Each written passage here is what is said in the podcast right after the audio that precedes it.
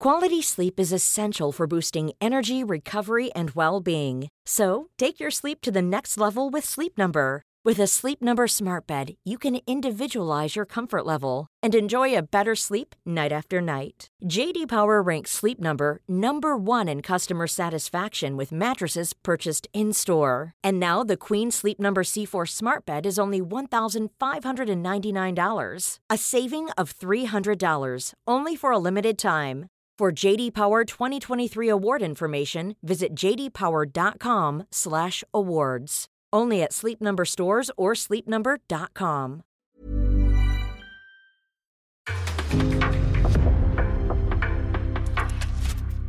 En podcast från Aftonbladet.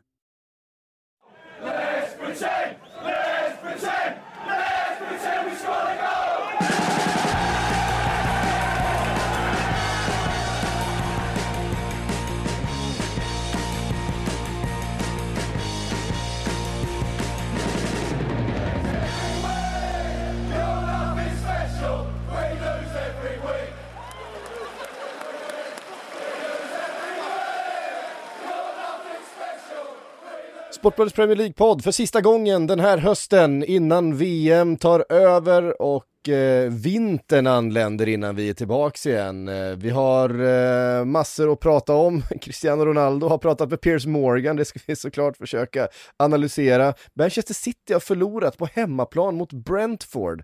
Hur fan gick det till?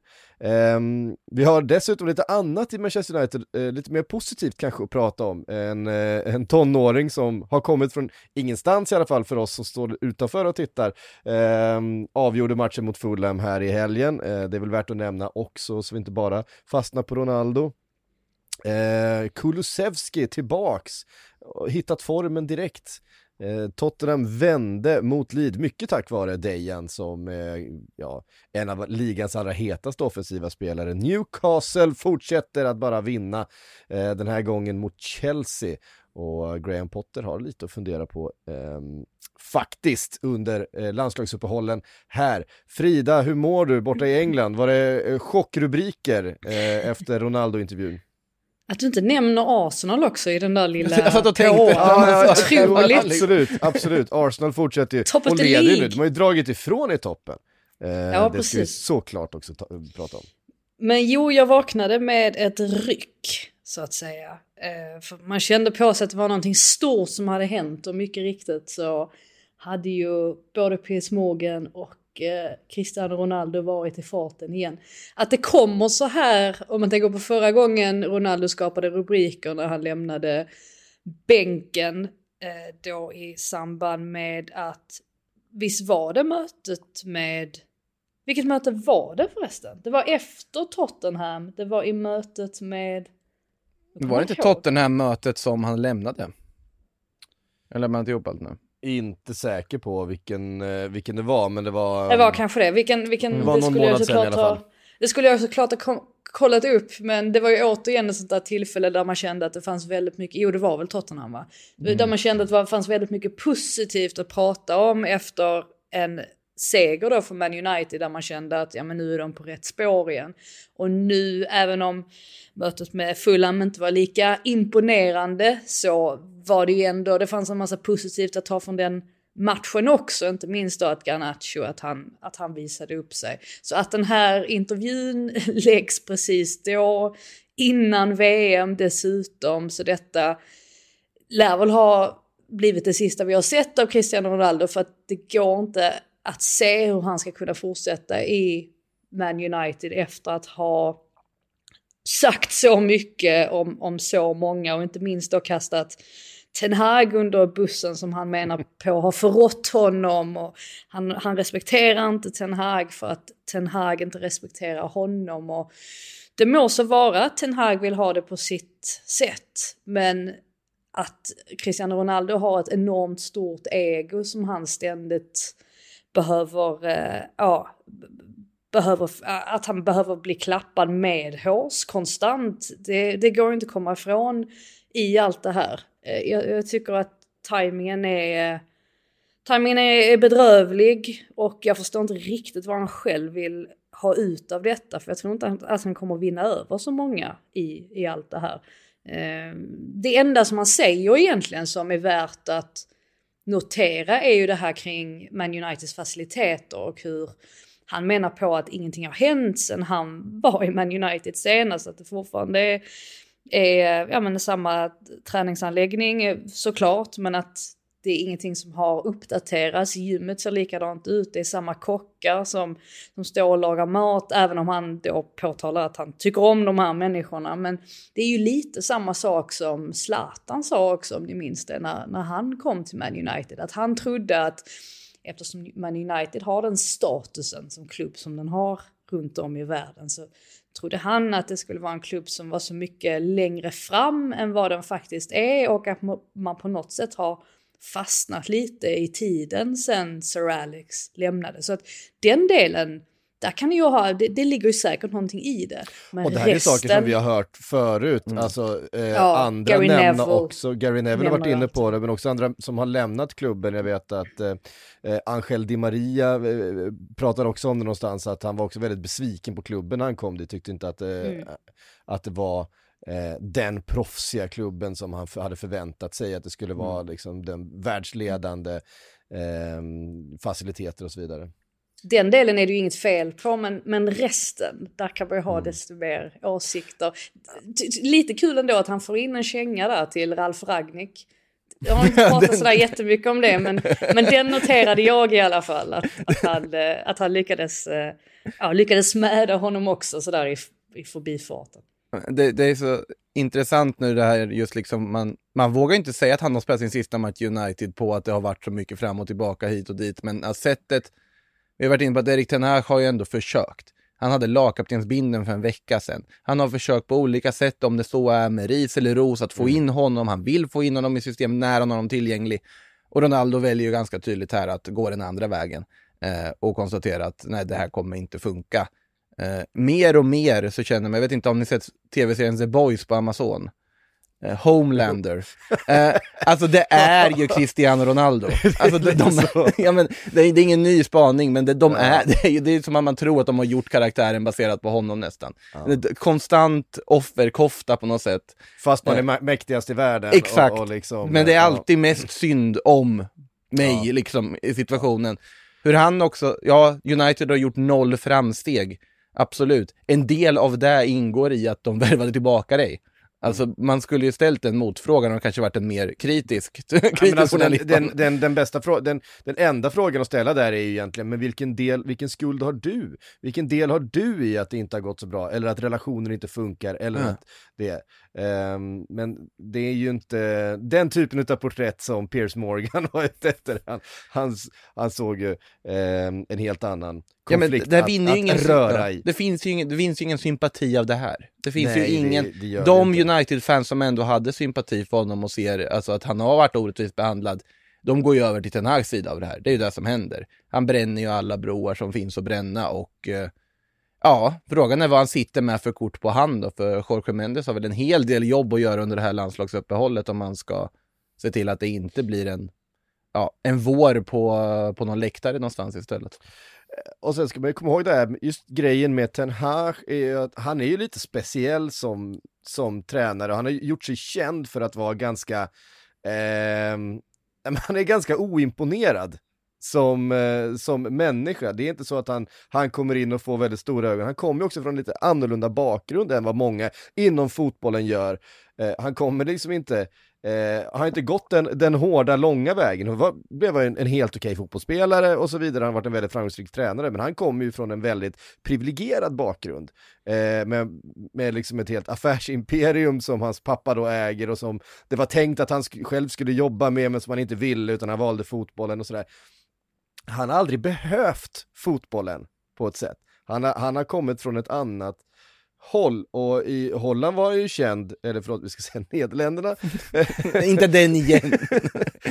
I, I Nederländerna blev han ju känd för att vara lite så här känslokall, att han kanske inte tog hänsyn till eh, det ena och det andra, men också för att han inte då var eh, kanske så imponerad av stora stjärnor och sådana saker. Och det är ju någonting som han kommer få, eller som kommer dras till sin spets här nu när han har den absolut största stjärnan i världen att hantera. Och han har ju försökt verkligen, han har ju provat olika sätt. Nu tror jag att det bara är tack och hej. Eh, jag tror inte att det finns någon, någon väg tillbaks eh, för de här två i, ehm, eh, i den här relationen. Men Ronaldo måste ju ha en plan här. Alltså han kan ju inte gå ut och säga detta så tätt in på VM. Alltså det, det måste ju finnas en utstuderad tanke med att den här intervjun kommer nu. Alltså det går ju inte, det är ju, det är ju helt omöjligt att han, att han ska komma tillbaka i, till klubben nu i slutet på december och så ska allt vara frid och fröjd och fortsätta som vanligt. Det måste ju vara att de har någon sorts exit här. Att han kan lämna i januari för att, jag menar visst vi har sett den här ursäkta honom i i rätt många sammanhang och inte minst då det där med att han faktiskt fick bära kaptensbinden för, för en vecka sedan. Men det här är ju, det här är ju alltså, tio steg för långt, det är inte ens ett steg för långt. Det är, ja, det är, mm, man, nej, man kan inte alls se en, en, en återkomst här eller en förlikning. Nej, men först när man läste citaten tänkte man, nej men den kan ju inte vara korrekt citerad. Sen ser man videon, jo det var rätt på varenda, varenda litet ord eh, där han säger. Så att nej, det, det går ju inte. Alltså Erik Ten Hag tappar ju allt om han går med på det här när tydligt en spelare säger jag har inte respekt för dig som tränare. Mm. Uh, där, det... där har du gått ett steg som är väldigt svårt att gå vidare ifrån. Liksom. Det kommer säkert dyka upp en debatt också, för det gjorde det ju i samband med Romelu Lukakus intervju där med Sky Italia, just det här med att ja, men det är uppfriskande att spelare säger vad de, vad de tycker och tänker. Men jag landade i samma argument då med Lukaku, att jag tycker någonstans att det handlar om att man måste visa respekt för, inte bara för själva fotbollsklubben, utan också för sin arbetsplats på något sätt. Alltså en, en, en person som får lön av, ett, mm. av, av en arbetsplats och beter sig på det här viset kan ju inte vara kvar. Alltså så, så enkelt är det ju. Så att lika mycket som att han inte visar respekt mot klubben och, och supportrarna eh, kring det han i alla fall säger om Ten Hag. Och jag kan tycka att det här han säger om Wayne Rooney också är, är lite, ja men varför ska han, varför, just det här med utseende, hån har vi inte... Men tapp, tappar kredibiliteten på hela alltihopa. Ja, exakt. Alltså det, det är så otroligt. Det, ja. det blir lite det här snygga killen i högstadiet som ska klappa till någon så med... Ja, jag, jag, jag tycker liksom att det är, ja, det är väldigt omoget beteende. Eh, men som sagt, om, om det är någonting eh, de ska, eh, alltså som Man United kan, kan ta från den intervjun som man faktiskt kan använda som någon sorts konstruktiv kritik så är det ju definitivt det här med faciliteterna för att mm. det är också någonting som familjen Glazers, de har ju fått höra det som sagt ganska mycket de senaste åren. Alltså det måste väl vara att han, alltså, att Ronaldo känner att han kan leverera så pass under VM nu. Att han kan använda det som skyltfönster scouter och så vidare vet att han är tillgänglig att värva. Och att om han gör ett väldigt bra VM för Portugal så kommer han få igenom sin flytt. Men det förutsätter ju att han ser ut någorlunda som sig själv för några år sedan i det här mästerskapet, om överhuvudtaget ska någon vara intresserad. Och det, det skulle inte, oh, förlåt, uh, det skulle inte förvåna mig om han gör ett jättebra VM. Nej, och då, då plötsligt har han ju löst för då är det någon klubb som inte tänker längre än, ett, uh, än en mästerskapssommar, eller på att säga vinter menar jag. Eh, och eh, slår till för en billig peng nu när United kommer vilja bli av med honom till varje pris. Eh, det är också, ja, är det mycket som är underligt i det här. Sen tycker jag i och för sig, du nämnde Lukaku-intervjun Frida, den är ju i en egen klass. Den är på något sätt någonting som ska ramas in på ett konstmuseum och sättas upp i dålig mediehantering. Ronaldo ser mer väntad väntat utbrott på ett annat sätt. Ja, men jag tycker ändå att de är ganska, de är jämförbara eh, på det sättet att de markerar en, eh, en point of no return. Eh, I alla fall för Ronaldo gör det det. Mm. Det var inte lika mycket eh, själva, där var, där var kanske ah, Båda två är ju orsaken till varför det inte kommer gå att fortsätta. Ja. Eh, så vi får ju se. Eh, som du säger Frida, får väl se för han har en plan för januari då. Eh, om det finns någonstans att ta vägen. Eller ja, om han ska precis. spela det här VMet och lägga skorna på hyllan, vilket jag inte tror. Ehm, det, det är liksom inte känslan man får eh, alls utav Cristiano, men då måste det finnas någonstans att ta vägen. Jag vet inte om det dyker upp ett Napoli eller eh, Sporting eller vad fan som helst som... ehm, Nej, Napoli, inte nu när det ser Nej, så jag- bra nej, nej, ut. absolut. Alltså, det vill man ju inte, men det, det, är ju, det finns ju inte så jättemånga andra alternativ. Atletico Nej, och Madrid i totalt kaos. Ska- Sporting, Sporting gick ut också och sa att de har ju inte råd med hans lön. Då Mm. måste han ju gå ner rejält för att de ska kunna ha möjlighet att, att plocka in honom. Så. Ja, men så Todd Bowley. Ja, nej, jag, jag, vet inte, jag vet inte om ni får, eh, för när man är sportjournalist eller fotbollsjournalist så blir man automatiskt uppsatt på en massa listor över, jag vet inte, det är bettingföretag och andra typer eh, som gör en massa undersökningar. Så får man en hel drös med sådana mail varje vecka. Och så kan det vara så här, eh, ja, där, är, där var en, minns jag för, för några månader sedan, som är relevant i det här sammanhanget. Eh, en lista över de spelarna som presterar som bäst när de blir kritiserade som mest. Och då var Cristiano Ronaldo i toppen av den, för det hade de räknat ut då genom en massa siffror. Och, ja, man vet inte hur de här studierna har gått till egentligen. Men det får jag ändå tänka att om han vill ha extra tändvätska inför VM så är det här det bästa han kan göra egentligen. För att nu kommer han ha många emot sig. Det står ju fortfarande många på hans sida såklart. Men han kommer ha många emot sig. Så att det, ja, det skulle inte förvåna mig om han lyfter fullständigt här i, i VM och gör en fantastisk turnering. Måste också innan vi går ifrån Ronaldo skänka en tanke till han youtubern Speed som dök upp i Sky Sports sen. Ja men vad är det där? Jag är så Alltså, trött, jag är så trött på speed. Alltså, vad fan, eh, visst han är 17-18 år gammal och han har en stor YouTube-kanal och han är så här, men, men det blir Men varför som- ge honom en plattform? Ja, det- men det är var bara- otroligt det är bara- underlig- det är bara underlig fake. stycke. Det är fake alltihop, det är bara spelat. Det, det, här är, det här är en tonåring som vet hur han ska, hur han ska eh, manipulera bilden utav sig själv i sociala medier och på TikTok och på YouTube. Så här, det är så här man gör. Det, det, fan sluta gå på det allihop. Ehm, Sluta, Sky, Sky Sports borde sluta gå på det. Ja. Nej, det, var, det var underligt hela deras uh, inför matchen där ändå, måste man ju säga. Hur som helst, det spelades fotboll. Eh, Manchester United vann till slut mot Fulham. Eh, och de hade ju, det var inte en orättvis eh, seger kan jag tycka när den väl eh, kom, även om de Gea fick plocka fram ett par svettiga räddningar där. Men eh, Garnacho, vem är han? Argentinsk, Ja. ung. En argentinare, typ 18 år gammal, 19? 18, yes, Mm, mm. är han väl. Eh, nej men det är ju intressant, han har ju haft ett par fina veckor här bakom Mm, sig. Och det, man kände ju där också att, gud nu kommer Anthony Elanga få svårt att eh, få speltid om Garnacho ska se så här fin ut. Det som har varit intressant kring honom är ju att, jag vet att Fernandes sa det för några veckor sedan också, efter att Garnacho hade gjort en väldigt fin insats. Han, han var väldigt sparsam med sina hyllningsord till Garnacho. För man får känslan att det här är en kille med väldigt mycket attityd och som tror väldigt mycket om sig själv, väldigt högt om sig själv. Och det slutar ju inte alltid bra när man har det självförtroendet, även om det såklart är vitalt att, att ha det också. Det ser man ju inte minst på målet han gör också. Det är inte många som kan göra den sortens mål. Eh, Man fick ju nästan faktiskt lite Ronaldo-vibbar från hans första tid i, i klubben. Just det där med att man, ja, men att man har en väldigt stor tro på sig själv. Garnacho har ju inte fått någon plats i omklädningsrummet än. Ehm, I alltså A-lags omklädningsrummet.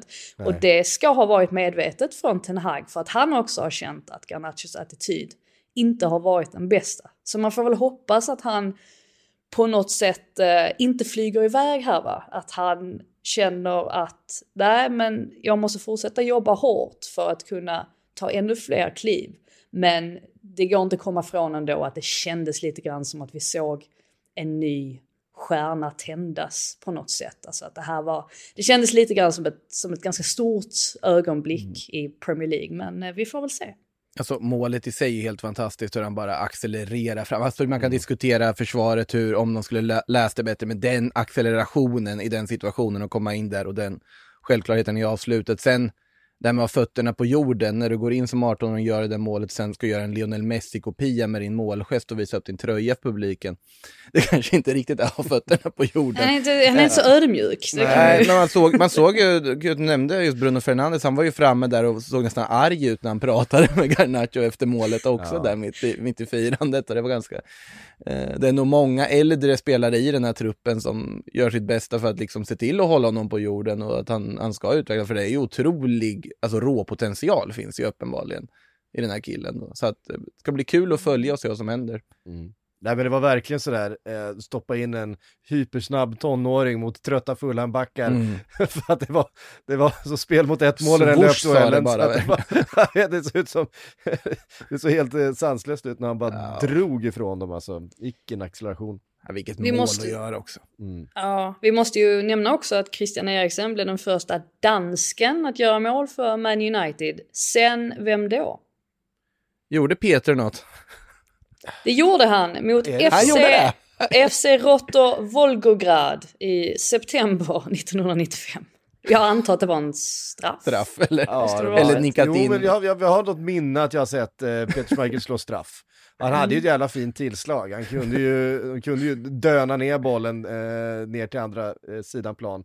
Vilket inte var så många målvakter som, som gjorde på den tiden från liggande boll. Eh, skickade den helt över hela planen. Det, på den tiden var det inte helt ovanligt att en back gick ner och slog eh, insparken på 90-talet. Eh, Det kan de väl göra fortfarande? det, det, var, det är länge sedan. Vadå, en back går ner och slår insparken? Händer inte Ja. det? Alltså, vadå, när målvakten har lite ont i foten och någon ska slå långt? Jo, jo, men det, det var ju vissa som, som gjorde det hela tiden. Jo, jo, för att de inte hade fötter. Ja, absolut.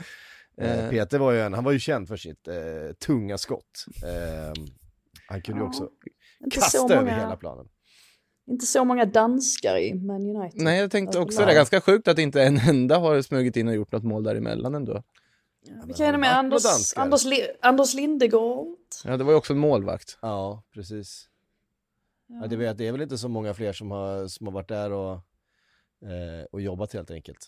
Nej, men man tänker ju så här att liksom, det hade inte känts helt osannolikt att ha någon säsong i, i bagaget för Jon Dahl Tomasson där någonstans på lånen. Men det, det finns ju ingen sånt. Nej. Vi har haft många svenskar däremot, men det är en annan sak. Två på plan här från Eh, start. Två på plan här från start ja. eh, Lindelöf blir tunnlad vid första målet. Eh, men sen så tycker jag att han spelar helt okej. Eh, vinner en del viktiga nickdueller framförallt. Eh, det är sånt där som man ofta, eller har fått en del kritik för ju, att han eh, förlorar för mycket luftdueller i straffområdet. Jag Han skötte sig bra. Tyckte de gjorde en jättebra match överlag United. Hade ganska god kontroll på det. Kändes som att man skapar mycket. Eh, Det var ganska ologiskt tyckte jag ändå när det där 1-1 målet kom. Det kändes inte riktigt som att det var på gång. Och det är såklart att det är Daniel James som dyker, upp, dyker upp där och inte firar heller mot eh, sina gamla lagkamrater. Men då, då kände man att nej, men ska de tappa i den här matchen? Men sen då? Hans, hans första mål för Fulham. Mm. Eh, bara en sån sak. Vi tar oss vidare från eh, den matchen då, eh, konstaterar att Manchester United knep alla tre poängen. Det gjorde även Arsenal som drar ifrån i toppen efter eh, 2-0 mot Wolves på bortaplan. Eh, Ödegård från eh, dansk målskytt till norsk, dubbel sådan dessutom. Eh, Eh, en, återigen en superstabil match eh, utav Arsenal. Wolves såg ganska pigga ut tycker jag stundtals i matchen, men man försvarar sig bra och när chanserna dyker upp, då sitter de. Eh, det, eh, det fortsätter funka för Arteta eh, den här hösten. Ja, det gör det. Och man bara blir ju så otroligt imponerad ändå. Att, ja men här står vi precis innan jul då och Arsenal ligger etta i tabellen för första gången på 15 år. Ehm, det ska sägas att de gångerna, jag tror att de har legat eh, i toppen fem gånger tidigare i december och de har aldrig lyckats vinna ligan ändå. Men jag tycker att i och med att Manchester City också förlorade här mot Brentford så visar det på något sätt att det finns en viss instabilitet i det laget också. Och i och med den stabiliteten då som Arsenal visar i sina matcher så är de definitivt med i det här titelracet utan tvekan. Ja, de har Och, fem eh, poäng nu.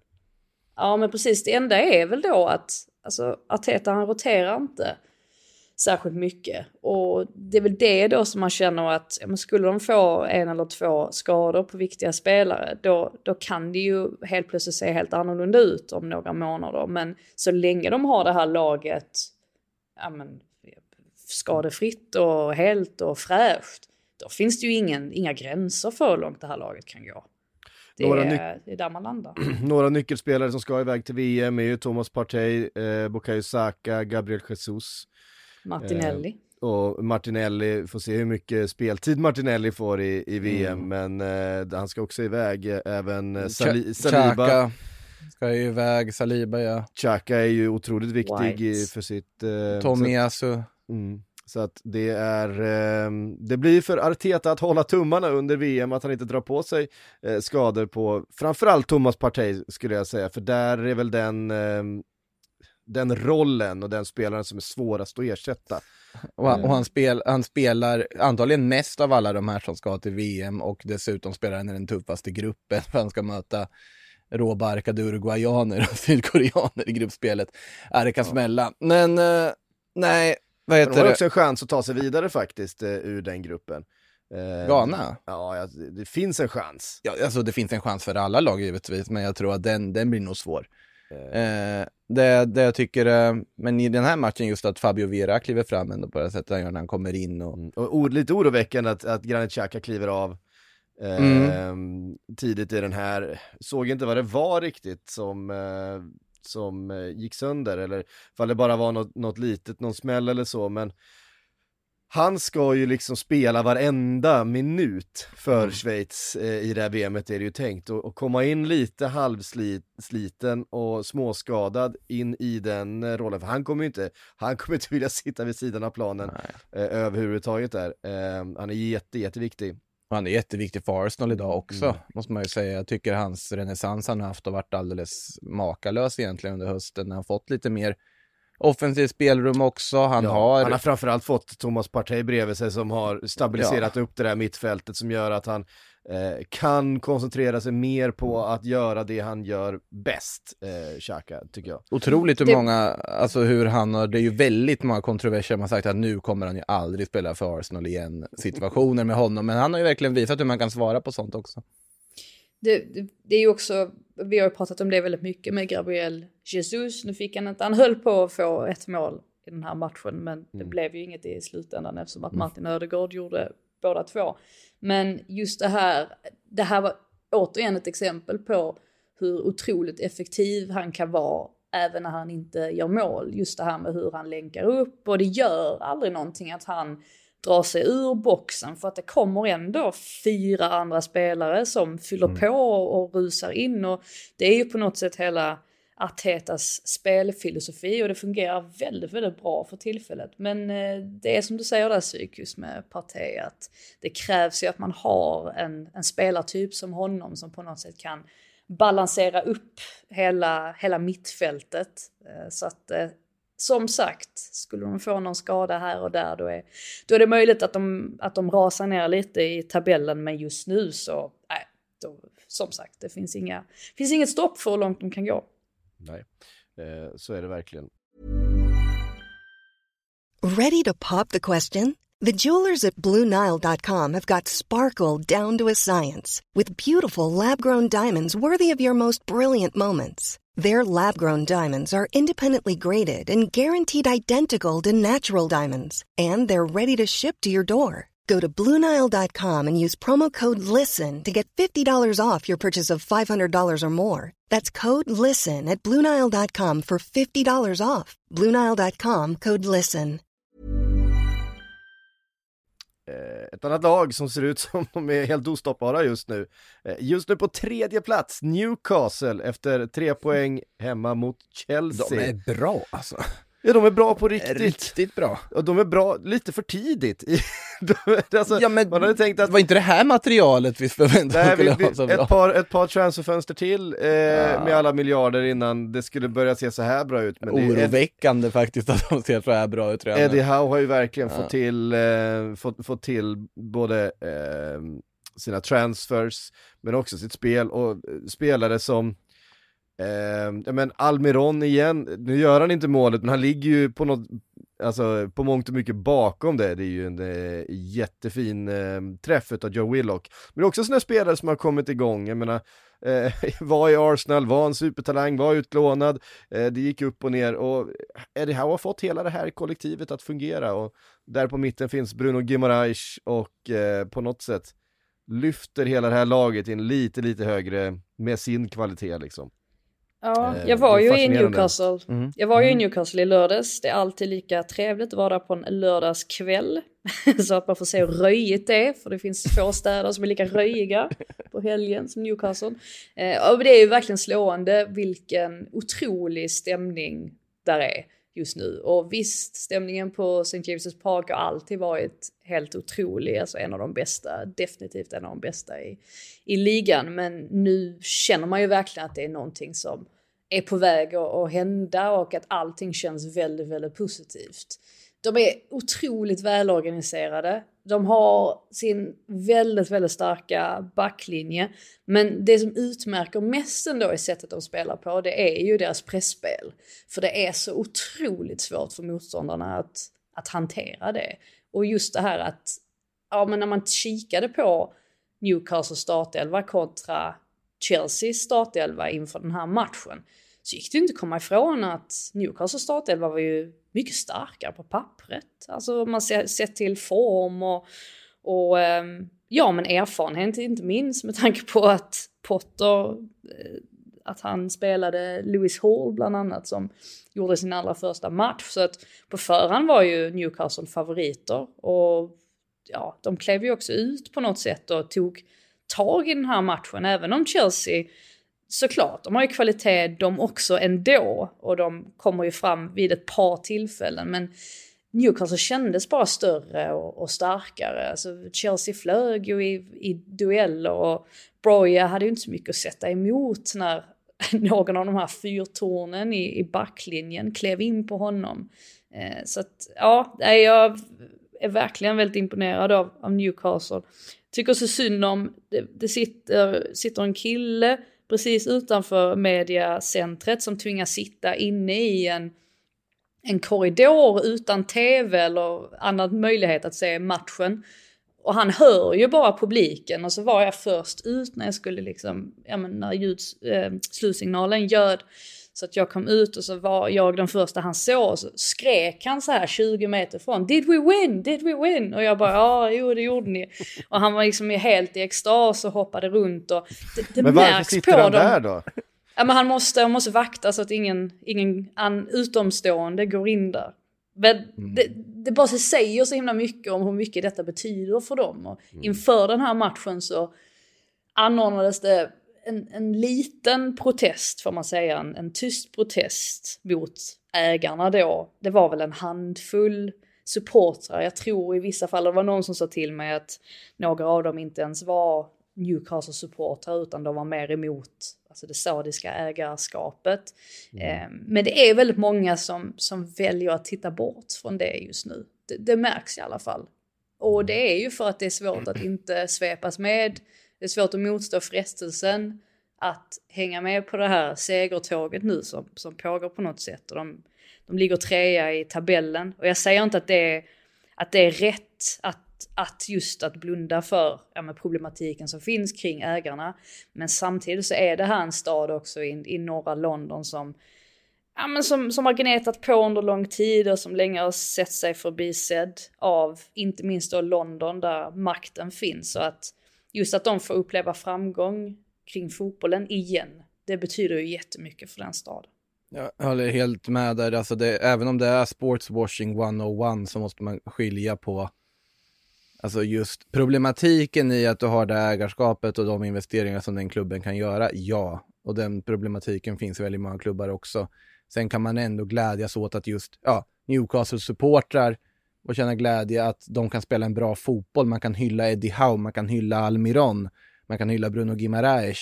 Även om man fortfarande ser problematiken som finns med att de ägs av de de ägs av. På ett sätt. Ja, Ja. Tillägga också att just det här med vi sa att Arteta inte hade gjort så många förändringar i sin startelva. Potter har ju alltså gjort 34 förändringar. Det är alltså 32 fler jämfört med vad Arteta har gjort sen han tog över Chelsea.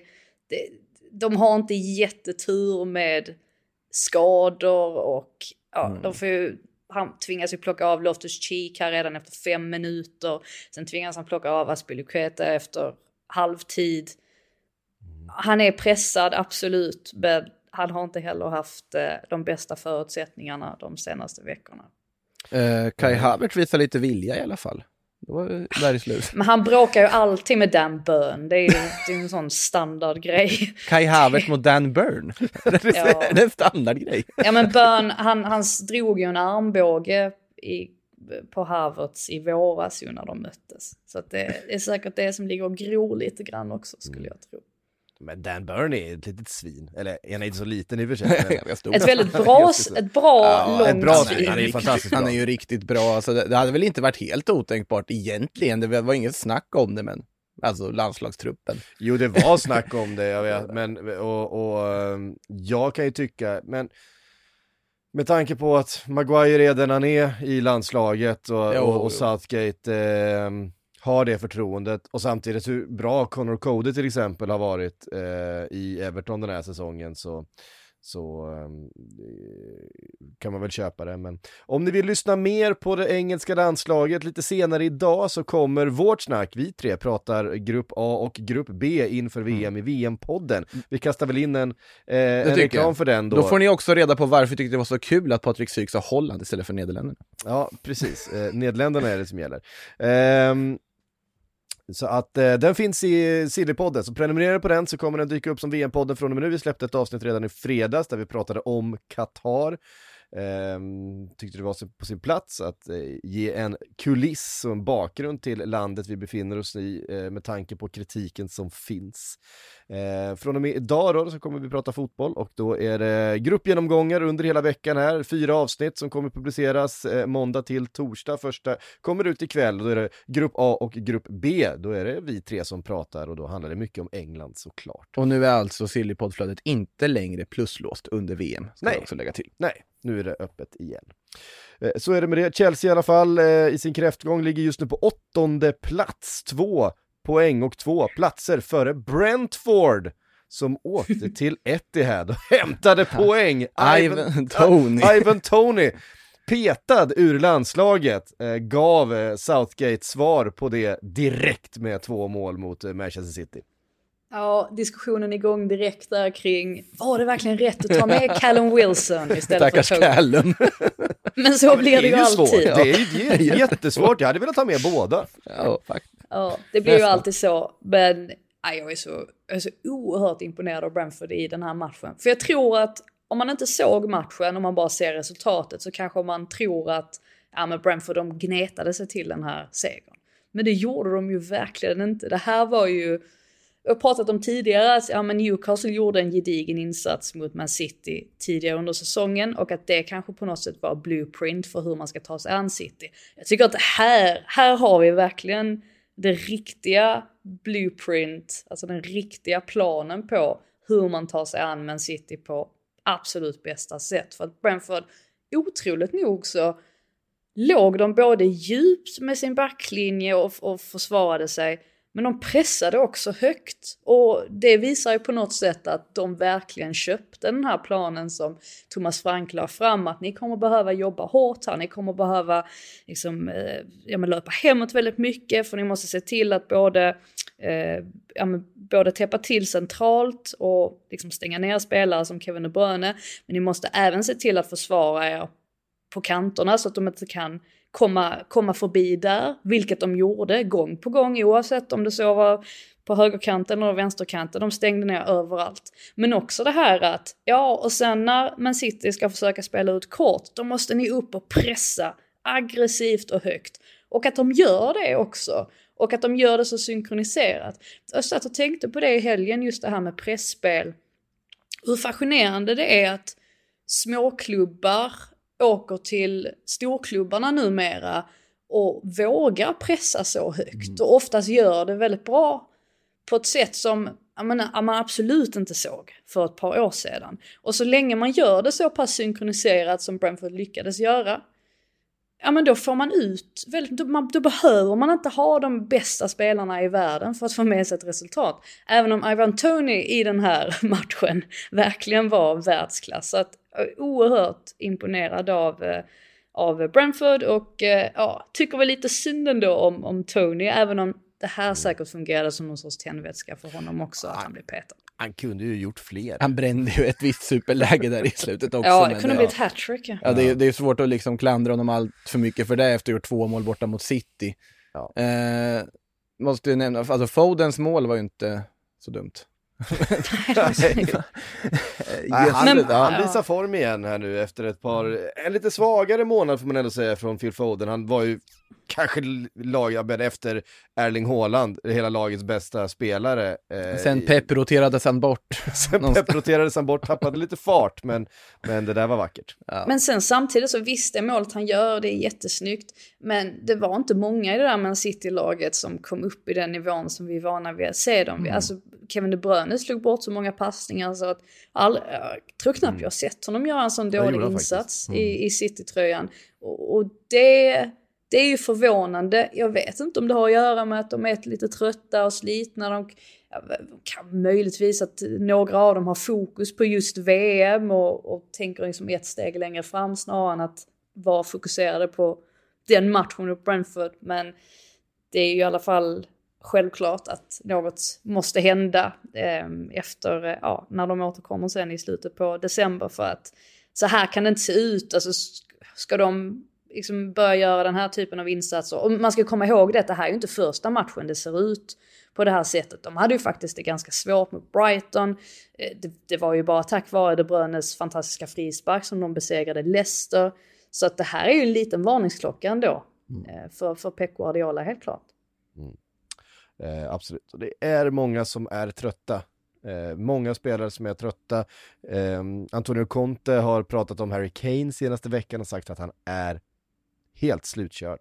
Men spela honom inte i ligacupen i sånt fall då. Nej, det, kan man, det, kan man, det kan man tycka. Ja. Eh, men eh, så är det i alla fall, Harry Kane som ju ska bära det där anfallet i eh, det engelska landslaget. Nu blev det trots allt, efter mycket om och men, och en vändning på Tottenham Hotspur Stadium, tre poäng mot Leeds, men... ja, Alltså jag kommer inte välja bort en Leeds-match igen i alla fall. Alltså vad är det? Det händer ju sjukt, alltså varenda tillställning de spelar just nu, det är ju...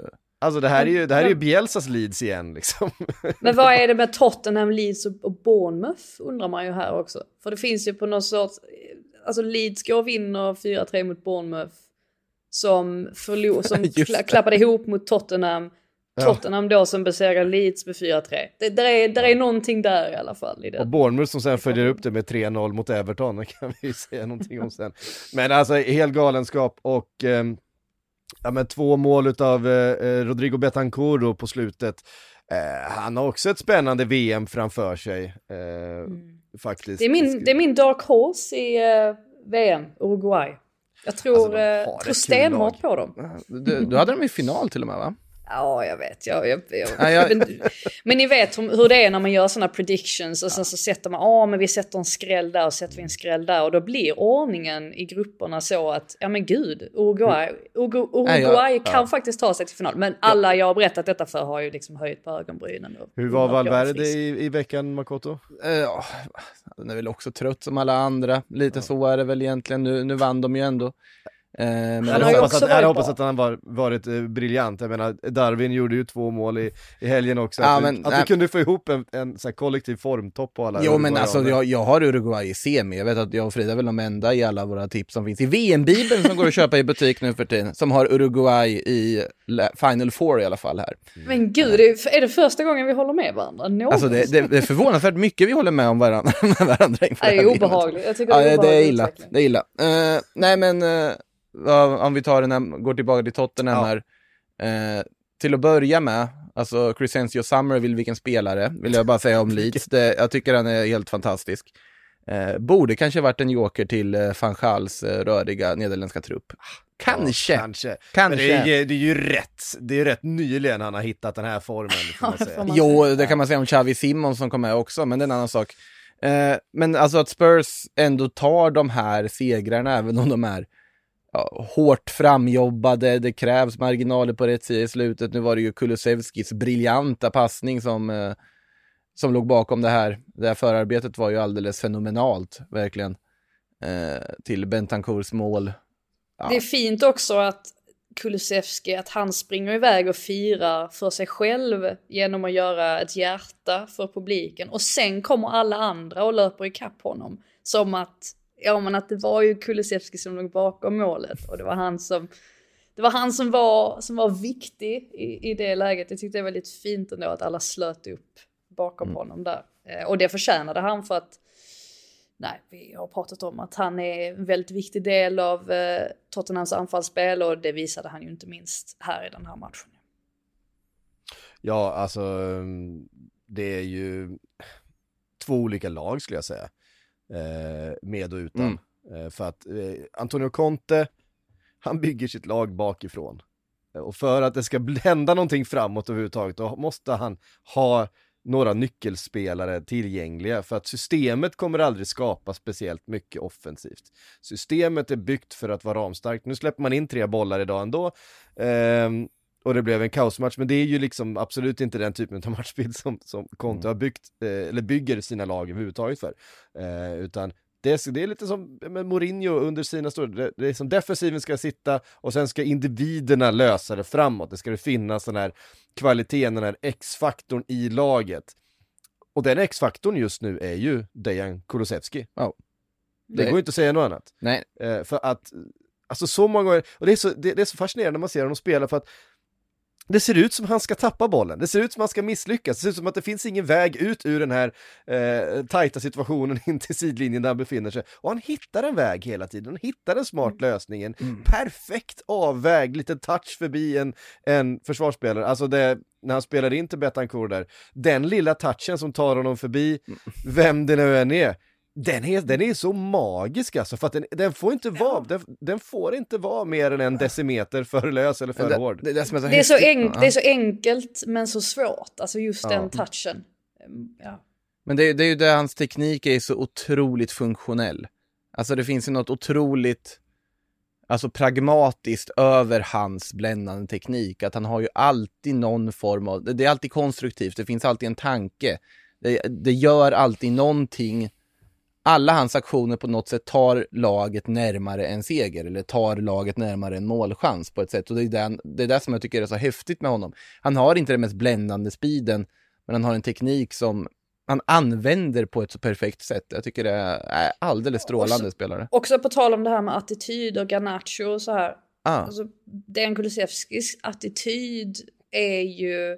Alltså han, han tänker inte på sig själv, han Nej. sätter inte sig själv i, i första rum utan han sätter laget i första Mm. rum.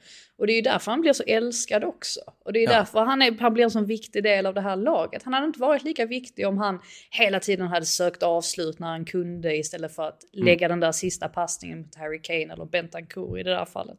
Han, eh, nej jag, jag tycker inställningen han har visat ända sedan han kom, det är, det är precis vad Tottenham behöver och det är precis vad han själv behöver också för att liksom, ta, sin, ta sin karriär till, till nästa nivå. Och, och det har han gjort också på något sätt. Jag vet inte om ni, eh, ni hörde vad Jesse Marsh sa efter matchen. Eh, jag, Det är ju bara, kanske bara jag som är eh, så fascinerad av hans, av hans intervjuer och presskonferenser. Han sa, och jag ska använda min bästa amerikanska dialekt, Oj. vilket innebär att det kommer att bli dåligt, men jag ska försöka. I felt like someone ripped my heart out. Vilket var, alltså det är så otroligt dramatiskt, det är så ot- otroligt mycket Jesse Marsh. Men jag kan ändå förstå vad han menar för att Ja. det är mycket bra med Leeds just nu. Det finns också en hel del dåligt och, och det är framförallt det, det defensiva spelet. De släpper ju in så oerhört mycket mål. Sen med det sagt så har de ju otur att de inte får med sig, eller att Melier snarare inte får med sig en frispark när Kane drar in det där 1-1 målet. För det, det skulle han nog ha haft ändå. eh, Ja, eh, det, det, det, det kändes så. Det var ett fint avslut, man gillar ju Alltså när Harry Kane just får den där bollen, det är så självklart att på en touch bara hitta nätet eh, på det sättet som han gör. Vi har sett, alltså sett så mycket anfallare skjuta rakt på första bästa eh, försvarare mm. eller dra den över eller utanför någonting. Men man bara vet när den dimper ner hos Harry Kane så sitter den liksom. Mm. Eh, han är en sån fantastisk avslutare. Eh, men ja, eh, Melier hade ju ingen möjlighet att göra någonting, han blev fullständigt manglad in i målet. Ja. Vad, vad tycker ni om, om uh, Hong Min Sons cardigan? Som han hade på sig, såg ni den? Nej, Nej den missade jag. den jag också ja, det var fa fantastiskt att han, uh, han kunde verkligen bära upp den, den var så här rutig uh, i något ja. flashigt mönster så. Nej, det var kul också när Ben Davis gick fram till honom efter matchen och skulle krama om honom. Son har ju precis opererat okbenet och är ju mm, väldigt mm. mån om detta nu inför VM. Var på Davis då, han måste ju fått hjärnsläpp och helt glömt bort det. Klappar till honom så på kinden, ni vet som de, man gör ibland. Och så såg man hur Son liksom bara försökt få undan ansiktet. Bara, liksom. Vi får se om Davis har förstört Sydkoreas chanser nu här till någon sorts VM-framgång. Wow, jag ser cardiganen, ja, han, han fixar den. Ja, jag skojar inte. Det där, det, där, det, det där fixar inte alla. Nej det ser ut som en filt, men det är ju, den var, den var stil. Ja, men han hade kommit undan som någon ja, ja. Eh, K-popstjärna eller K-dramastjärna där utan tvekan man inte visste vem han var. Eh, innan vi lämnar... Ja. Ja. Jag skulle bara säga om den cardigan också att det var en journalistkollega, engelsk journalistkollega som hamnade i blåsvädret eh, hos, eh, ja men framförallt på grund av upprörda koreanska supportrar för att han skrev att Son pulled the cardigan off vilket givetvis, eller någonting i den stilen. Mm. Vilket givetvis indikerar att, att han, han bar upp den. Mm. På, ett, på ett bra sätt. Men det, det blev lite lost in translation så att säga. Så att koreanska sociala medier-användare trodde ju att, att det här var men, någonting negativt. Att han menade att han skulle ta av sig cardiganen för att han inte passade i det. han, fick ju, han fick ju gå ut och förklara då att men det här det är en hyllning, det är inte... Ja, det, han, var, han var jätteutsatt. I, uh, Herregud. Det kanske inte har lagt sån, sig än. Sån berör. Uh, mm. Innan vi lämnar den här matchen måste jag bara lyfta Mark Rockas assist i alla fall. Den är passningen fram till Rodrigo. Ja, just det. Uh, nu, nu har man anledning att lyfta Mark Rocka, det var ju bra. Ja, ja men uh, jättefint såklart. Och, ja. Uh, de behövde det här, Tottenham. Det känns som att de har uh, svajat en del senaste mm. tiden och en förlust på det här sättet mot, uh, mot Leeds, det hade känts tungt inför landslagsuppehållet här. Uh, så blev det inte, tre Nej. poäng. Eh, tre poäng blev det också eh, för Liverpool mot Southampton i sin avslutning då inför eh, uppehållet. Eh, vi var inne på Betancourt, gjorde två mål, Darwin Nunez lika så. Eh, det var väl lite så, det det var offensivt, såg jättefint ut för Liverpool, defensivt inte riktigt lika bra. Ehm, Alisson Allison i mål fick plocka fram några av sina svettigaste räddningar för att hålla nere siffrorna här faktiskt. Det blev bara ett mål för, för Southampton. Det kunde å andra sidan blivit ännu mer för, för Liverpool för att det eh, gjordes ett par fina räddningar i andra eh, änden också. Men eh, tydligt hur Darwin Nunez nu har kommit in i det här laget. Samspelet mellan honom, Firmino, framförallt samspelet mellan Nunez och Sala börjar ju se riktigt fint ut. Sala mm. borde ju satt en, eh, åtminstone på ett eh, fint inspel utav, utav Darwin som framförallt tycker jag visar eh, vilken otrolig speed han har på kanten. Man har inte, jag har inte tänkt så mycket på, på Darwin Nunes som, som, en, som en sån riktig raket. Han är ju fruktansvärt mm. snabb alltså. Det är ju, det är mm. Sadio Mané, eh, fötter på honom, fast han är, fast han är så stor och, och lång. Det, det, ser, det är otroligt faktiskt. Ja, det var ju inte så konstigt heller att det skulle ta lite tid för honom här, alltså att komma in i det. Ehm, det det blev väl på något sätt en tävling också mellan honom och Haaland eftersom att de två var de stora värvningarna här under sommaren. Mm. Vem av dem som skulle göra bäst ifrån sig. Men jag menar Haaland, han smälte ju in i, i ett City som fungerade mycket bättre, eller som har fungerat mycket bättre under hösten jämfört med Liverpool. Ja, så det är inte så konstigt att, att Nunez, att han har haft haft det lite tufft men jag tycker och, att man ständigt har sett positiva tendenser från honom. Alltså det är aldrig man har suttit och tänkt att det här kommer bli en flopp. Men man har ju mm. märkt att det kommer krävas lite för att han ska ja, komma in i det lite mer. Och det börjar han göra nu. Ja, och det är ju tydligt också, han har ju inte fått spela riktigt på den positionen han har gjort tidigare i karriären. Han har ju varit en central anfallare, en striker. Eh, utan har fått spela ute till vänster nu de här senaste veckorna. Eh, med tanke Bättre på... där ju. Mycket bättre där. Ja, ja och, och det har ju varit på grund av att eh, Luis Diaz och, och Diogo Mm. Jota har varit skadade som normalt sett kanske hade gått in där och eh, Darwin i mitten. Men eh, för Klopp var inne på det också, att han måste då försvara vänsterkanten, även alltså den, den Mm. eh, yttre anfallaren har ett ganska stort defensivt ansvar. Och det är någonting han inte är van vid, men har, har ju löst, och han är ju nere och, och tar ett ganska Mm. stort defensivt jobb. Och det är ju ingenting som han har gjort speciellt mycket tidigare i karriären, så han har ju faktiskt fått ställa om till en helt ny uppgift. Eh, men så ger ju också den här kantrollen honom lite mer eh, ytor att faktiskt utnyttja sin, sin snabbhet på. Sen har ju Eh, kunnat utgå från en kant även i Benfica tidigare, så att man visste ju om där också att man kan använda honom på alla Mm. positioner. Det är som Mohamed Salah. Du ska sätta honom centralt, du kan sätta honom på kanten, det kommer funka. Mm. Eh, och Darwin Nunez är ju lite samma sak, som Sadio Mané också till exempel. Luis Diaz till att börja, han skulle kunna spela centralt med. Och det är ju väldigt tydligt att ändå Liverpool har letat efter just spelare som kan hantera båda de här rollerna, men då är det just det här försvarsarbetet som ibland krävs som du kanske måste jobba in. Framförallt om du har Salah på andra kanten som inte tar lika mycket sånt ansvar, så måste ju nästan den andra kanten göra det också för att det inte ska bli helt obalanserat. Så att, Mm. eh, Ja men det som är så bra med det här att ha Nunez Mm. på en kant är ju också att Salah kommer in betydligt mer centralt Mm. och det är där man vill ha honom. Alltså man vill inte ha honom för långt ute till höger Nej. för där kan han inte göra som störst skada. Men nu när han kommer in lite mer centralt, ja men då, då, då kan man helt plötsligt få ut mycket mer av honom också. Och eh, det är ju väldigt viktigt. Eh, mycket målchanser i den här matchen i alla fall. Det är ju två lag som är bättre framåt än bakåt just nu. Eh, Joe Gomez eh, svarade ju inte direkt på, ehm, på sin petning med en eh, briljant insats här till exempel. Han, har, eh, Han, var gjorde ingen Tony. han gjorde ingen Tony. Han var, ehm, han var fantastisk mot Manchester City. Eh, Men det är egentligen den enda matchen han varit riktigt bra den här säsongen tyvärr, Joe Gomez. Han har, han har inte stärkt sina aktier, eh, varken i Liverpool eller eh, i något annat sammanhang. Jag har ett citat från eh, Southamptons nya tränare Nathan Mm. Jones också. Jag kommer inte köra en walesisk eh, dialekt. För Jo, jag känner inte jo. riktigt att jag har det. Men han sa, jag kunde inte komma, jag skrattade så mycket när jag hörde det. För han sa, it could have been a different game. But I'm not saying it could have been a different game. Jag gillar det här. Jag gillar det här. Ja, ja, Jag gillar man, starten. man förstår, man förstår ändå vad han menar på något sätt. Att, Ja. att han, han menar ju att det, det kunde ha blivit en annan match. Men det här, jag- och jag tror att han menar att det hade ändå krävts rätt mycket för att Mer det skulle bli en, ja. en, en annan match. Alltså jag tänkte Typ så. precis innan säga att det är svårt att dra några allt för stora växlar av Liverpool borta som första match för hans del när han tar över det här Southampton. Men nu drar jag ändå positiva växlar efter att ha hört det här citatet.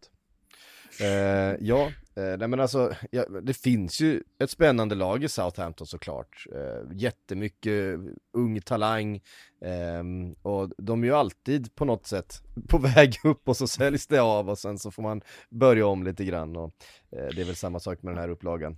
Och han är ju en, ett intressant tränarval också för han har ju gjort det väldigt bra i, med Luton och lite grann i det här att han jobbade med en väldigt begränsad budget i Luton och oftast väldigt unga spelare också. Det är lite samma princip i Southampton. Å andra sidan är det ett väldigt stort steg upp från Championship till Premier League men eh, det verkar ändå som att ja, men som att det blåser lite ja, men lite fräscha vindar i alla fall nu i Southampton. Eller att det är det som är känslan och det var ju anledningen också till att Hassen Hüttel försvann på något sätt. Att man kände väl lite att man hade stagnerat kanske och behövde någonting, någonting nytt. Mm. Fortfarande dock på nedflyttningsplats. Så säger jag någonting om James Milner som kom in också i sin 600 Premier League-match. Det är alltså bara Premier League-matcher. Lägg på allt det andra, vi vet ju att han ligger en bit över 800, närmar sig 900 matcher i karriären. Eh, helt fantastiskt. Eh, Makoto, Kan det inte ha du de- varit många? Kan, Ja. kan de tre som har gjort, eh, som ligger över 600 gjorda matcher I Premier i League? Premier League? Gary Speed, hur många kom han upp i? Jag, jag tror jag kan. Faktiskt. Kan du dem? Jag Inte tror Gary det. Speed. Nej, Gareth Barry måste vara en av dem. Ah, Milners gamla vapendragare såklart. Givetvis, Eh, givetvis. För han, han är med på alla topplistor alltid. Mm, Ja, han är alltså. den som har gjort flest matcher. Han ligger Ja. då på 653 och det är, Sen inte, tror- o- det är inte omöjligt att, att Milner faktiskt kan eh, fortsätta karriären ett par säsonger till och, och faktiskt passera det. Ja. Sen Vad kan- tror jag väl att det är Ryan Giggs. Ryan Giggs Mm. på andra plats på Och, eh, 632. den sista är nog ingen mindre än Lampard eller? Ja, det är helt riktigt. 609. Eh, han skulle kunna bli passerad utav Milner redan den här säsongen faktiskt. Eh, Men det, det är de tre, Gareth Barry, Ryan Giggs och Frank Lampard, ganska tunga gubbar. Eh, får man ändå säga. Alla tre var ju också, mm, vad var, vad var Lampard när han spelade sin sista säsong där i Manchester City? De Då, sista det glömmer matcherna. man lite grann. Att, Ja, Den- säsongen, 30, ja. 39 någonting och Milner har, han har några år kvar om han, ja, Ryan Giggs var väl över 40 när han la skorna på hyllan Mm. och Gareth Barry lika Ehm, eh, man, kom, man ska ju komma ihåg det att Milner gjorde ju faktiskt sin debut, han pratade också om det efter eh, när Ben Doak som ju eh, fick chansen i eh, ligacupen här i veckan kom in och var så fantastiskt bra. Fick ju också en plats på bänken här nu i, i matchen mot eh, Southampton, han pratade om det att ja, han själv var 16 år och gjorde sin debut och han minns det liksom och det är ju eh, då 20 år sedan eh, som han gjorde det och sen så Ja det är ju det är en fantastisk karriär. Ja, men några, nå, någon säsong eller två i Leeds måste han väl avverka innan han... Ja, vi får väl se. Det kan man ju verkar ju tycka. som att, eh, att eh, Klopp vill ha kvar honom. Ja, då, då kan han ju vara kvar där Eventuellt en också. säsong Ja. till efter den här Mm. också. Eh, så att eh, han gör ju ett jobb. Ja, det, det gör han. Onekligen, fortfarande. Jag hoppas han får lite mer än en dörr då. Han, Men det är väl det, det, fin, det är väl det finaste man kan få. En dörr. Man får dörren, Nej, men kliver du in här så ska du vara proffs som James Milner. Det, Men blir det, blir det en staty? vad sa är, du? är, blir det en staty tror du?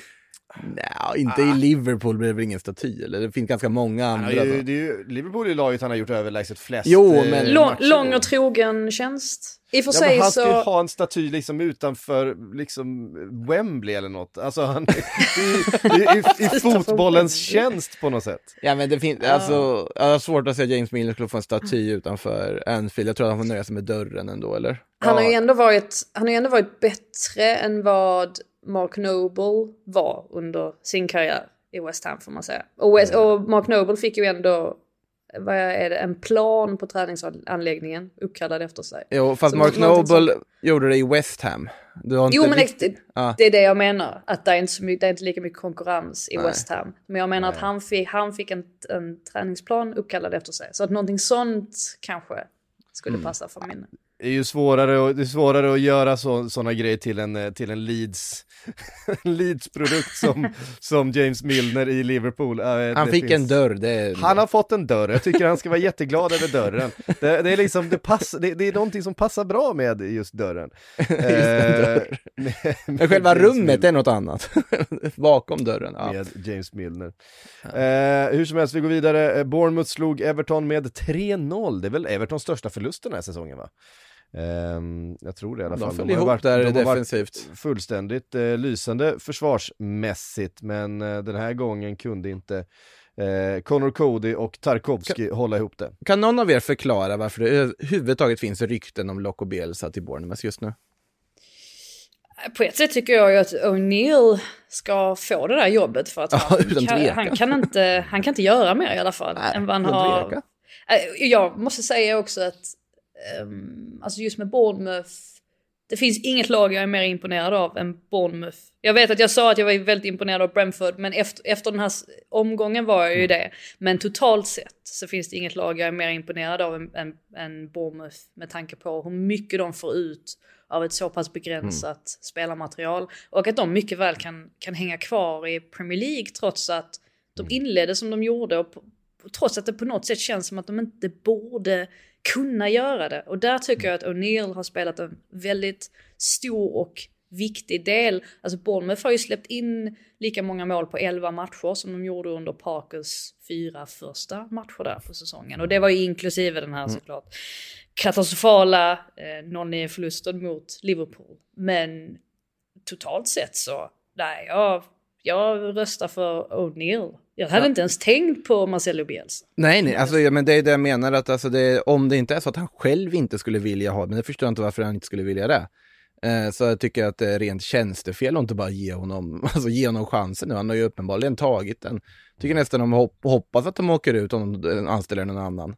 Eh, och jag tycker om Loco Bielsa, men jag tycker att Bournemouth ska, ska verkligen inte anställa någon annan än O'Neill i det här läget. Bournemouth som eh, passerade eh, lag, till exempel Everton genom den här segern. Everton nu nere på 17 plats. Vi var ju inne på att Everton har ändå hittat, hittat liksom tillbaks och sett ramstarkt ut och så vidare och Lampard har hittat sin fotboll. Ja. Fan nu börjar det ju osa katt igen. Och det säger ju en del om hur svag den truppen faktiskt är. Att vi har ändå hyllat dem med rätta innan för att de har gjort det de har kunnat med de medlen de har. Connor Cody rätt in i landslaget eh, för Ja, sina ja. insatser i Everton i den fyrbackslinjen ska vi också säga. Till stor del kanske också baserat på tidigare insatser i Wolverhampton och i Ja, han landslaget. har varit väldigt bra den här Absolut, säsongen i, absolut, i eh, Absolut. Everton. De Ehm, har alltså släppt in sju, alltså de har släppt in sju mål på två matcher nu. Eh, mm.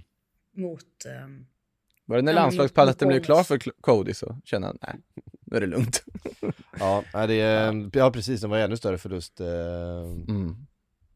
Nej, jag har ju inte, jag har ju inte varit särskilt övertygad av Everton även när det har sett bra ut. Det, jag har, alltså det, det, det man har lagt märke till har ju varit att deras inställning har varit väldigt bra stundtals. Så det har, väl hjälpts då också av att de stabiliserade sig Mm. något i och med den där backlinjen. Men den här matchen kändes som eh, ja, rejäla steg bakåt. Och ja, Lampard har ju såklart ett stort ansvar i det här men eh, vi vet ju också att det finns många fler problem bakom kulisserna som säkert Ja. har del i detta också. Och Verkligen. eh, nu handlar det ju, jag tror att hela den här säsongen kommer handla om att hänga kvar på något sätt först och främst. Och sen får man återigen försöka, eh, ja, försöka ja, men bygga nytt på något sätt eller bygga någonting som på något sätt blir stabilt nog så att man undviker att hamna i de här situationerna gång på gång. Och ja, eh, vi får se om de, om de lyckas med det. Jag, jag tycker det är svårt där i botten fortfarande. Det är svårt att veta vilka som kommer eh, Mm, åka ut. Det verkligen. känns, känns inget som är givet, vilket är lite märkligt i december. Då brukar det åtminstone vara ett lag där man känner att ja, men de är man säker på att de åker ut. Men nu känner jag inte så. Men det, det är inget lag man känner så med, verkligen. Det är inget lag överhuvudtaget. Alltså jag, jag känner här, Wolves är för bra för att åka ur. West Ham är för bra för att åka ur. Eh, och då är Eller? det- Ja, det måste de. Alltså, ja. Förstå vi får om det här Wolves med det här materialet skulle åka ur. Ja. Jösses. Ja. Ny förlust för West Ham. Dessutom, Mm. jag fick en fråga för, eh, från Niklas Eriksson här. När ryker Moyes? Mm. Ehm, Det är en väldigt bra fråga Mm. för att det här materialet som West Ham har och visst att David Moyes har varit fantastiskt eh, liksom framgångsrik med sämre material får man säga i West Ham Han har tidigare fått för bra säsonger. material nu. Han har fått för bra spelare, han löser inte det här. Ehm, Nej, det är lite... förlust mot ett Leicester som har kommit igång, får man också säga. Mm. Ja men verkligen. Leicester de släpper ju knappt in några mål längre. Eh, Alltså. Danny Ward. ja verkligen. Nej men de har ju verkligen tagit sig samman och det, det är ju Eh, äh, det är ju också fascinerande. men just i, i fallet med eh, West Ham så alltså eh, om man tittar på Skamaka till exempel. Skamaka är ju inte riktigt någon Moyes-spelare. Alltså han har inte riktigt de typ, alltså de kvaliteterna som Moyes uppskattar i en, i en anfallare. Och jag tycker nästan att det är lite alarmvarning på Skamaka. Att jag kan se att han lämnar West Ham redan nästa sommar, går till en annan klubb i Italien eller vad som helst och gör det jättebra där. Mm. Jag tror bara att det är att nej men Moyes har ett visst sätt som han vill spela på. Och eh, då kan Skamaka lätt bli väldigt isolerad eftersom att han inte har riktigt de här instinkterna som till exempel Antonio har i det här att han kan, han kan droppa ner och vara involverad på det sättet. Det är, det är någonting som saknas helt enkelt i West Ham just nu. Och de har ju alltså värvat då också dessutom en mittfältare som man kan argumentera för kan starta för det brasilianska landslaget i VM. I Paqueta, Som, eh, ja, nej, inte heller riktigt kommit igång på det sättet som man ändå väntade sig att han skulle göra. Det, nej, det, det kan absolut vara läget att argumentera för någon form av eh, tränarskifte. Jag tror ändå det ligger någonting. Det var inte bara skämtsamt att Moise har fått för bra material på något sätt. Att han kan inte hantera det. Sen har de ju, de har ju väldigt höga förväntningar på Mm. sig också i och med att det har sett så, så bra ut de senaste säsongerna. Alltså det är ju, då blir det ju automatiskt så att förväntningarna skruvas upp. Eh, Och det får man väl också ha i åtanke att West Ham har ju ändå, de har ju överpresterat på något sätt också de senaste Mm. säsongerna. Visst. Så, men visst, de har spenderat väldigt mycket pengar i den här gångna sommaren. Det har de gjort. Vi får säga någonting också bara kort om eh, Forest Crystal Palace 1-0 där och eh, Crystal Palace får inte riktigt ihop den där liksom eh, det kontinuiteten i spelet på något sätt och kontinuiteten i resultaten framförallt. Eh, Morgan Gibbs White, man of the match. Eh, Äntligen! Men Han, han är ju tillbaka. ändå ganska bra. Alltså, han, han gör ju mycket bara att eh, man kan tycka att summan är hutlös ändå. Men såklart att när han väl är där i Nottingham så eh, tillför han ju en hel del offensivt. Och Sen är är det väl- inblandad i väldigt mycket. Ja, sen är det väl dags kanske att avsätta Zaha på straffar. Nu, Ja, ja, just det är det. lite, lite för många missar nu. Mm. Från hans del det är väl tredje missen va? På fyra, på fyra försök. Ja, det är ju illa när man känner att han har slagit den utanför förr. Mm. Eh, som han nu gör här också. Men väldigt stor seger för Forest, Ja. alltså kanske en av de största segrarna den här säsongen. Alltså visst, de besegrade Liverpool, men den här kändes väldigt viktig på något sätt för Steve Cooper. Att, att få just det här med att, ja men att man ändå känner nu igen att de möjligtvis kan hänga kvar. Det, är väldigt mycket upp och ner med dem, men det här kändes ändå som ett steg framåt på något sätt, sett till att de kanske börjar få ihop det där laget ändå med alla de här nya spelarna. Ja, det är ju verkligen ett sånt lag. En förlust här, eh, då hade de legat eh, sist då på målskillnad, samma poäng som Wolves. Man hade känt att, ah, ja visst, det är de andra, men Forest kommer nog vara där nere bland de Mm. tre. Eh, nu tog man den här trean och det känns som att, ah, men det, möjligheten finns i alla fall. Man gav sig själv chansen. Ja, Eh, men typ hela undre halvan riskerar att åka ur känner jag. Alltså på att det är så många lag som är längst ner som jag känner att de här kommer ju komma igång förr eller senare. Så att det blir väldigt spännande. Jag hoppas att det här håller i sig i alla fall och att det är lika ovisst och jämnt hela vägen in i slutomgångarna för då har vi en väldigt intressant bottenstrid att följa sista dagarna. Mm. Vi slänger in lite, Eh, lite frågor. Hallå, Brighton Villa. Ja, vi har ju glömt Brighton Villa. Vi har glömt Brighton. Herregud. Ehm, Även om Mittoma inte var med. Även för att, för att Mittoma inte var med. Och jag menar, Unai Emery har ju fått fart på det här Aston Villa nu. Ehm, Buendia, Ja, inte vilken, vilken, vilken passning. Ja, inte de första minuterna dock. Det var väldigt mycket, Nej. jag fick lite så här skräckbilder från när Emery var i Arsenal och försökte få dem att spela ut kort och det ibland slutade på det sättet. Men det var ju skönt ändå att, det var ju det, var ju det roligaste under hela den matchen, att det är ju Douglas Luiz som tappar bollen där när eh, McAllister stjäl bollen efter, det var ju inte ens en minut och drar in 1-0. Och sen var det ju faktiskt eh, Douglas Luiz som stal bollen och levererade den fram till Danny Ings då kort efter halvtid, vilket innebar 2-1. Och man såg verkligen på Luiz att han, han vände sig ju till och med mot McAllister och bara vrålade i hans ansikte. Det måste ha känts som den, den bästa eh, ja, den bästa upprättelsen som, som, han, eh, som han möjligen kunde ha fått. Och eh, även om Brighton, jag tyckte Brighton, de inledde väldigt piggt men sen kom Villa tillbaka in i matchen på något sätt och det som var mest eh, utmärkande för deras andra halvlek var väl hur, hur mycket tätare det kändes bakåt. Just det här att de stod i sin, i sin fembackslinje och till och med sexbackslinje ibland när McGinn droppade ner. Och, och även om Brighton, de hade mycket boll och så, så, så blev de ändå liksom tillbaka tryckta konstant. Eller det kändes som att Villa hade ganska bra koll på läget. Så att nej, en, en stor seger för Villa även om Emery inte var 100% nöjd och Brighton kände möjligtvis att de hade kunnat få med sig någonting mer härifrån. De är ju trots allt inte ett storlag än Villa, vilket jag kan konstatera på att Leandro Trossard var ganska anonym överlag i matchen. Eh, så att, eh, Han hade ett jävligt snyggt mål dock som blev Ja. ja. bortdömt. Det hade blivit Eh. årets mål alltså. hade det var ju å andra sidan avblåst före han sköt, så att, men, eh, men ja, det, det, var, det var vackert i alla fall. inte för att Eh. bryta innan frågor igen, men ska man nämna James Madison också?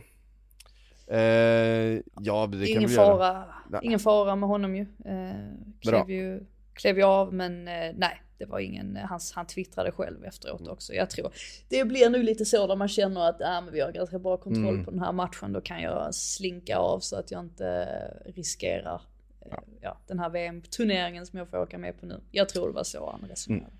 Eh, vi kastar in någon fråga till då. Anders Bom undrar, vad tror ni om Indien som eventuellt vill köpa Liverpool? Jag har inte pratat om det här med, med FSG och, gjort, eh, och eventuellt försäljning. Eh, Vi får väl se vad det, jag vet inte så mycket om den här Indien som det har eh, surrats om på sociala medier, vad det är som gäller, det ska finnas lite olika bud, det är inte helt det är inte helt uppenbart vad det är FSG vill göra heller, om de vill sälja hela klubben, om de vill få in, eh, sälja delar och få in ytterligare investeringar. Eh, de har ju själva sagt att de är committed till eh, eh, Liverpools liksom fortsatta framgång eh, och sådär, men FSG är ju där för att tjäna pengar om det kommer in ett bra bud eh, som de Mm. känner är, eh, är rimligt. Man ska komma ihåg det att med FSG, en stor anledning till det här är ett, vi går mot lite tuffare tider ekonomiskt globalt. Eh, De är inte en, eh, en, en, en eh, kassasäck, de har inte en kassasäck som är outsinlig som vissa andra eh, liksom statsägda, konsortieägda eh, på något sätt klubbar där det inte spelar så stor roll och man kan, eh, man kan spendera pengar i vilka ekonomiska lägen i världen som helst för att det är liksom inte så stora investeringar på det stora hela. För FSG så eh, handlar det dels om att man kanske vill säkra upp den här försäljningen, alltså man får in de här pengarna i det här läget. Men också för att man faktiskt inte har fått igenom de här sakerna, eh, Project Big Picture och Superligan och sådana saker som man har velat, att få lite bättre kontroll och få lite bättre, eh, vad, vad de då tycker, kontinuitet och förutsägbarhet i sina intäkter genom fotbollen. De tycker det är för mycket som handlar om hur det går på planen. Eh, vi är ju Liverpool, vi ska kunna garanterat vara liksom överallt och tjäna de här pengarna jämt och så vidare. Ehm, så det hade ju varit positivt för ligan om det blev lite färre amerikanska ägare som ville stänga saker och garantera framgång för eh, vissa storlag eh, i sådana fall. Men vi får, vi får se eh, vad som händer där. Här Indien vet jag som sagt ingenting om. Eh, men det kommer säkert dyka upp en jäkla massa spekulanter och en massa rykten. Prinsen av Dubai var väl Ja, det har de också som nämnts. det har pratats om som har dykt upp i Liverpool-tröja och Liverpool skulle ha träningsläger i Dubai här nu och så vidare. Så det är väl många. Mm. Men, nej men alltså så överlag, trött. ja, överlag så är det så här, alltså absolut, FSG har inte gjort allting rätt på alla sätt och vis, men utifrån hur fotbollskartan ser ut idag så är det ju, tycker jag i alla fall utifrån att det är svårt att se det som något positivt att de vill sälja ur ett Liverpool-perspektiv. Om du det- vill se Liverpool vara Liverpool. Mm. Alltså absolut, om du bara tänker på att ja, du ska få in så mycket pengar som möjligt och kunna värva hur mycket spelare som helst, ja då kanske det är bättre att få in en annan ägare, men samtidigt tycker jag inte man kan mäta bra ägarskap och hur mycket pengar du kan kasta i sjön. Eh, Liverpool har ju ändå faktiskt fått valuta för de kronor de har använt och dessutom haft det ganska bra ställt och vunnit titlar och så vidare. Mm. Så är det ju. Ehm, det om det. Vi eh, tackar så mycket för oss för den här hösten från Sportbladets Premier League-podd. Vi är tillbaks i juli igen. Ehm, för att eh, ligan återvänder på Boxing Day den eh, 26 december. Då får vi väl eh, försöka plocka upp spillrorna efter den här hösten eh, och knyta ihop de där lösa trådarna igen, se vart vi befinner oss då på andra sidan ett mästerskap mitt i säsongen. Det är ju Eh, det är så mycket som är konstigt med det. Hörde ni, tack alla som har lyssnat under eh, den här hösten. Tack eh, Frida Makoto för att ni har varit här. Eh, vi hörs i VM-podden. Eh, som sagt, det är Sillypoddens gamla feed. Annars så söker ni bara på VM-podden så kommer ni höra alla eh, oss tre. Frida, du ska iväg till Qatar här om en vecka ungefär. Yes. Eh, ut på äventyr. Det är väl ganska prick en vecka till, eh, ja ungefär så här dags är vi inne i andra halvlek utav Englands premiärmatch. Helt sjukt i VM. Ja, Man känner och, inte än. och min födelsedag om exakt en vecka. Ja, dess, Grattis i dessutom. förskott. Tänk om du får, eh, tänk om du får fira födelsedagen med en eh, stor seger för England. Ja, mot Iran. Mot Iran i På Khalifa Qatar. Stadium i Doha. Wow. Vilken grej. Vilken grej. Hörrni, tusen tack alla inblandade. Vi hörs snart igen.